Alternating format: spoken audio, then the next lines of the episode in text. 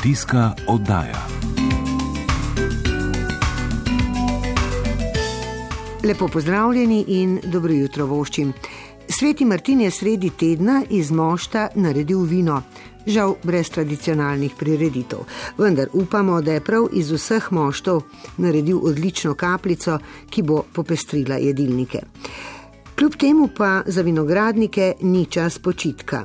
Danes bomo govorili o analizi vinogradniških tal, zato je z nami specialistka za vinogradništvo pri Kmetijsko-gozdarskem zavodu Nova Gorica, Majda Brdnikova, naša stalna sodelovka. Prav lepo pozdravljeni. Lep pozdrav. Dober dan. Torej, eh, gospa Majda, zakaj prav v tem času je potrebna analiza tal? Ja, trta je oddala svoj pridelek in tisto, kar je odnesla s svojim grozdjem iz vinograda, je nekje potrebno tudi i vrniti. Seveda je odvisno od analize tav, zato jo priporočamo zdaj v tem zimskem času, da se naredi analiza zemlje za vinograde. Torej, na vprašanje, zakaj je potrebna analiza tal, ste že odgovorili. Kaj pa pravzaprav rabi vinska trta za svojo odlično prehrano, bomo rekli. Ja, vsaka rastlina uh, rabi uh, za svoj sestavo svojega telesa tiste osnovne elemente, anorganske, ki jih dobi iz zraka in vode. To je oglik, kisik in vodik. In ta delež uh, sestavlja rastlino, ne samo trto, nekje 90, celo do 99 odstotkov ostali tistih 10 do 1 procenta pa rastlina usrka in dobito prehrano iz mineralov v tleh. In Ti so seveda tudi zelo pomembni graditelji, kajti samo iz tistih prej naštetih elementov ne bi imeli vseh snovi, ki jih eh, rastlina ima in seveda tisto, kar potem mi kot ljudje zaužijemo. In če govorimo o vinski trti, je pač to vino, v katerem potem govorimo, da ima že preko 1400 različnih eh, sestavin, elementov, snovi, ki so zato tudi vino uvrščamo kot hrano. Seveda ima analiza tudi vinogradniških tal oziroma vsaka analiza svoje zakonitosti. Eh, kako torej jemljemo vzorce zemlje in koliko teh vzorcev moramo vzeti, da pridemo do relevantnega rezultata? Ja, naši vinogradi niso tako veliki, da bi mogli imeti eh, po več vzorcev iz iste površine. Ne? Zdaj, če bi imeli 2-3 hektarje, da je skupaj, potem se priporoča po dva vzorca, drugače je dovolj eden.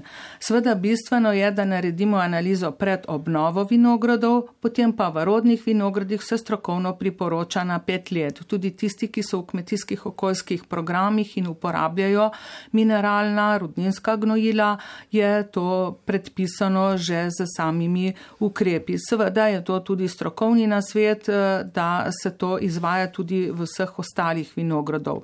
Čisto Do... konkretno, kako vzamemo vzorec. Ja, ponavadi si kmet izposodi sondo na, pri nas na kmetijski svetovalni službi. Sonda je, glob, ima globino tam 40 do 50 cm, je to kot en sveder, nekateri jih imajo tudi lasne, tako da se vzame uh, globino do 40-50 cm. Včasih, če je prehrana tudi različna, svetujemo celo iz dveh različnih globin vendar zaradi stroškov in potem tudi samega vnosa v globino eh, se svetuje kar enostavno en vzorec. Seveda, eh, količina vzorca, ki se prenese v laboratorij, mora biti vsaj pol kila do enega kilograma. Povprečje jemanja teh vzorcev pa naj bi bilo vsaj 20, eh, tudi več, 30 ubodov, bi rekla, tega poprečnega vzorca, ki ga damo v vedro, pomešamo in od tega vzamemo eh, slab kilogram vzorca.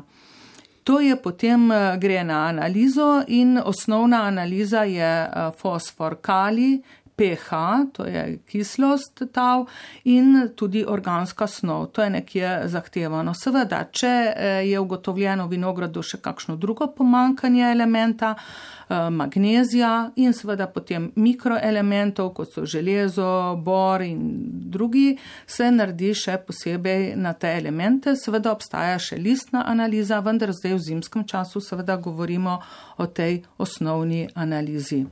Ko je ta osnovna analiza narejena, ko imamo rezultate, seveda na podlagi tega, kar pokaže, je potrebno ukrepanje.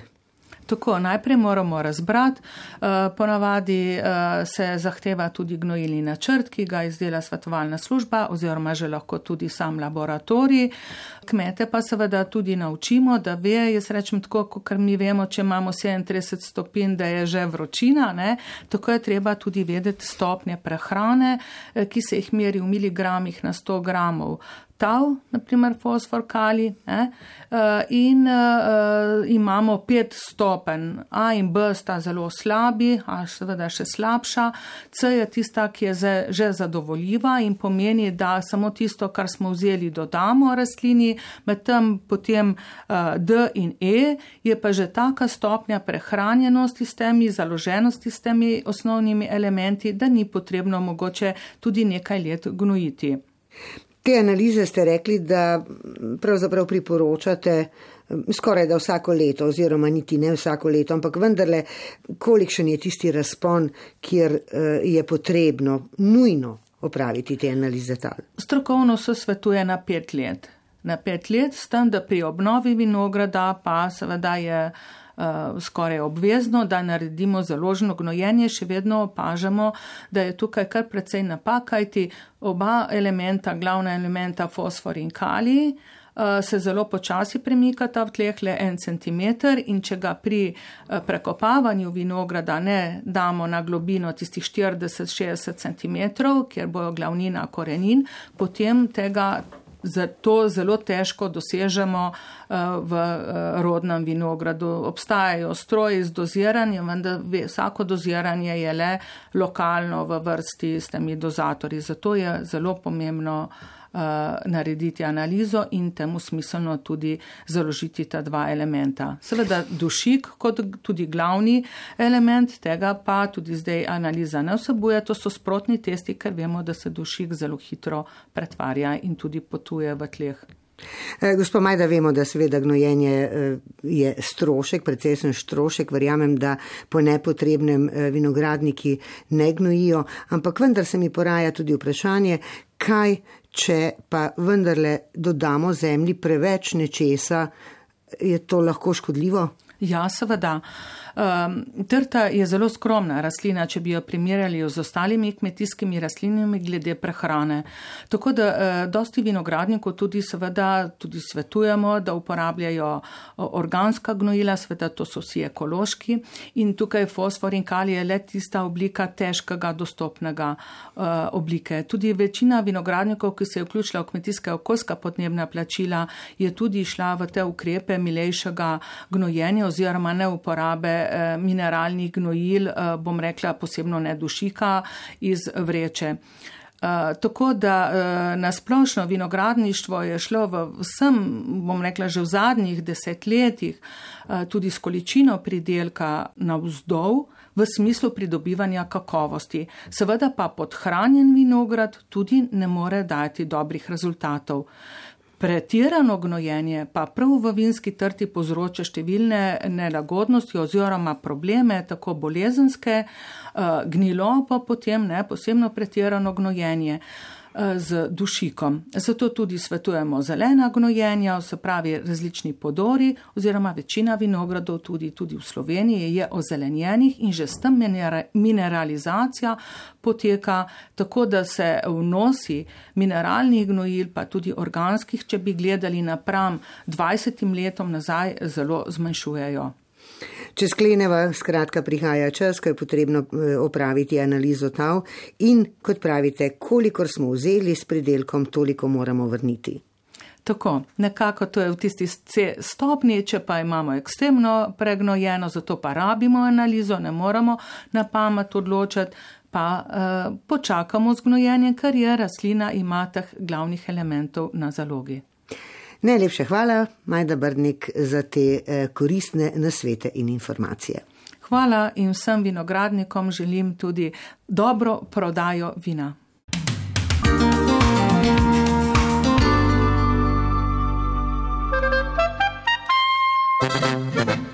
Se jaz na kmetijstvo,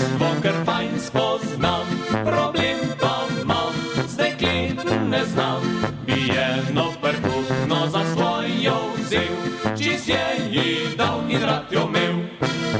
A kak se obrne na robe je, od njene v stran, pobegnejo vse, noben osvajat me ni učil, ne vem, če kako bom dobil.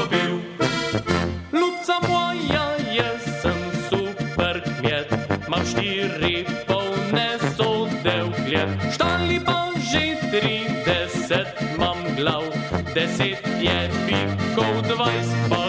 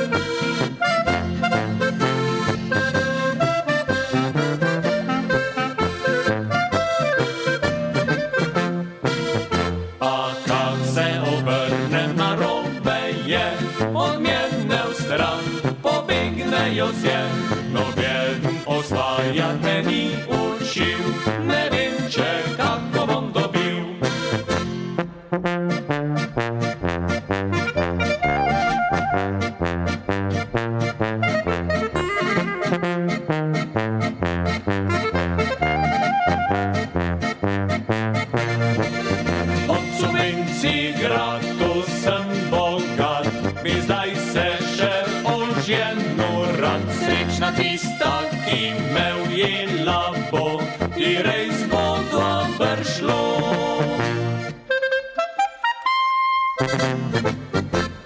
Trajlala, oj trajlali, tekle pa se mi smeji, neč ni važen, kak si je maš, če me osvojit ne znaš. Trajlali, oj trajlala, dar per mje neč ne vela, bi koštal deset stoji,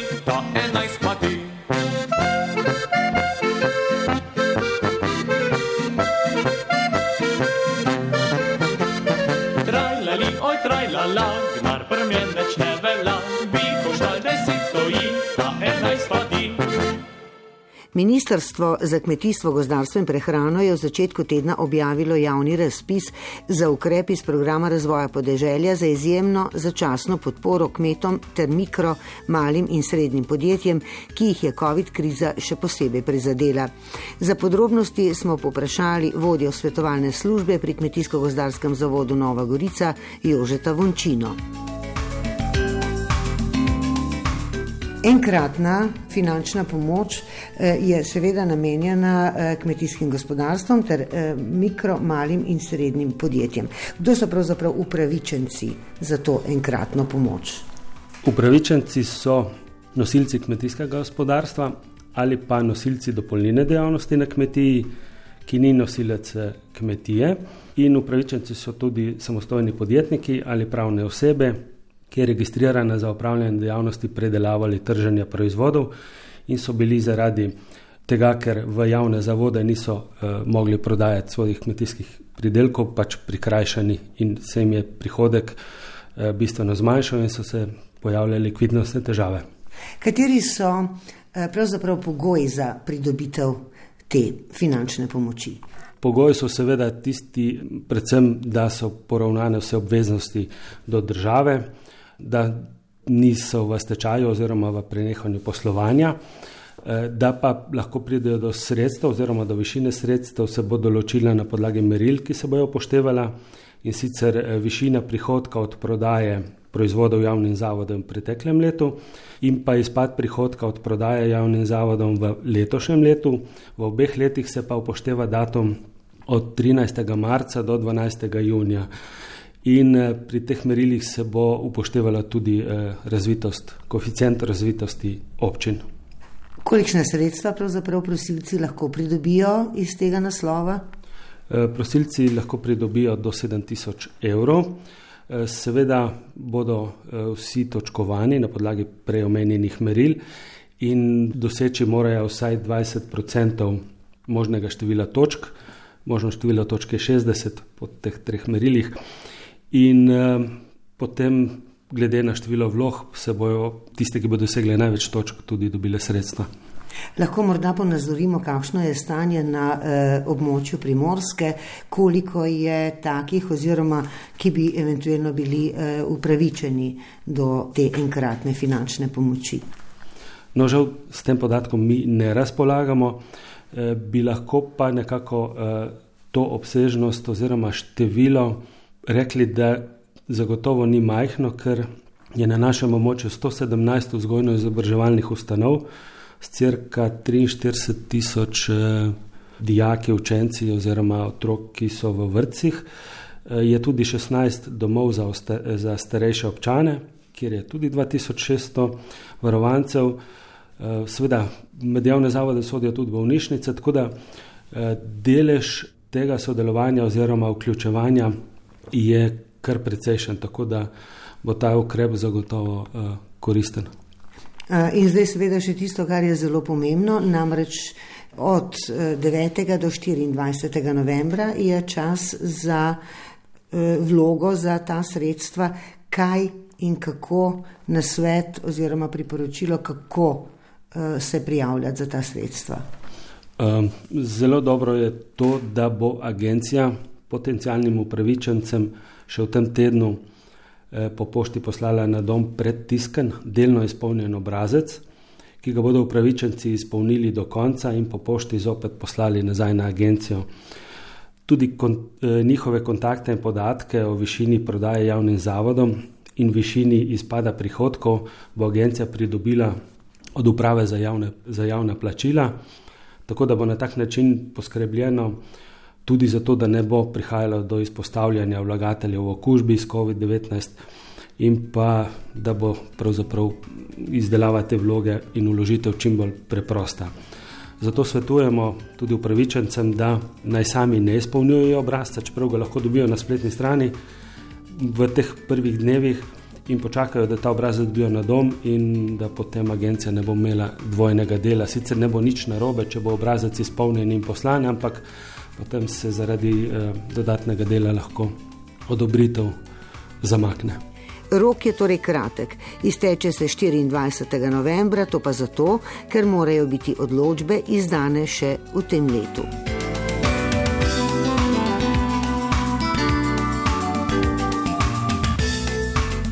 Je pa to tudi čas kakijev in kaki zorijo oziroma so že dozoreli.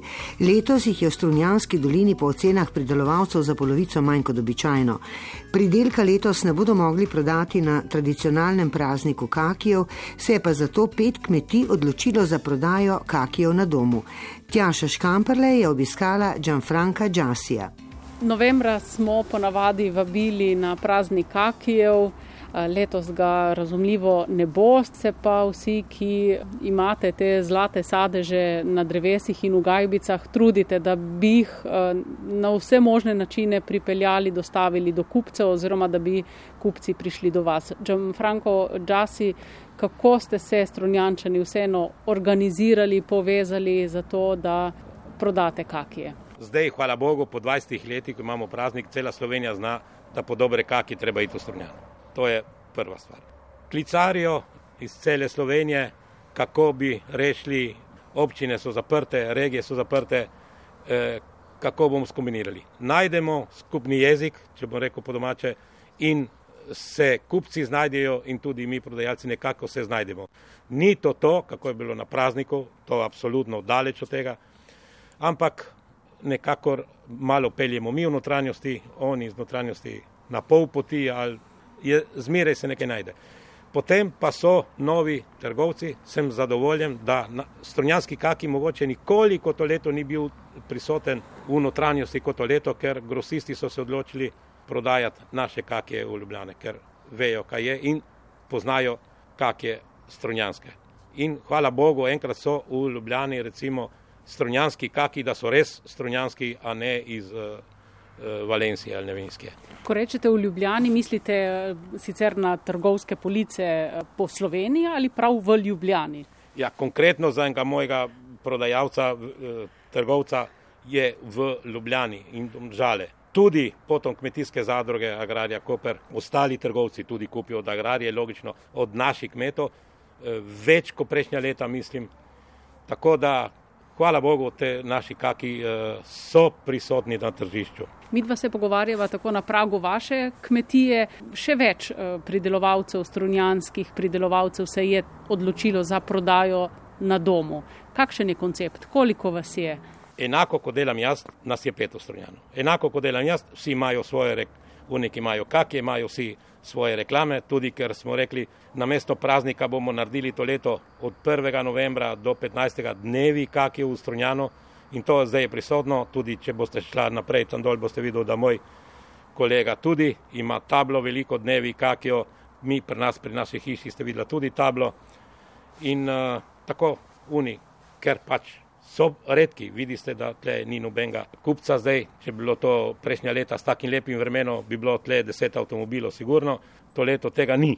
Ampak, kako sem že rekel, vidim, da bomo, če eh, letina pa je slabša, kak jo je manj, ker mi v Strunjanu nas pet proizvajalcev eh, imamo, če je dobra letina, okoli 200 ton kakjo. Pazite, je precej, za Strunjan je 200 ton kakjo dosti. Letos? To letos je bo krepko, krepko manj. Upam reči, da je skoraj polno. Omenili ste dneve kakijev do 15. novembra, boste kaj podaljšali, če bo kakšen zabojček ostal, bo še mogo? Ne, ne, vsekakor, eni verjetno ga bojo imeli do decembra. Jaz predvidevam, da do polovico ali do cel november ga bomo imeli vsekakor ustvarjeno.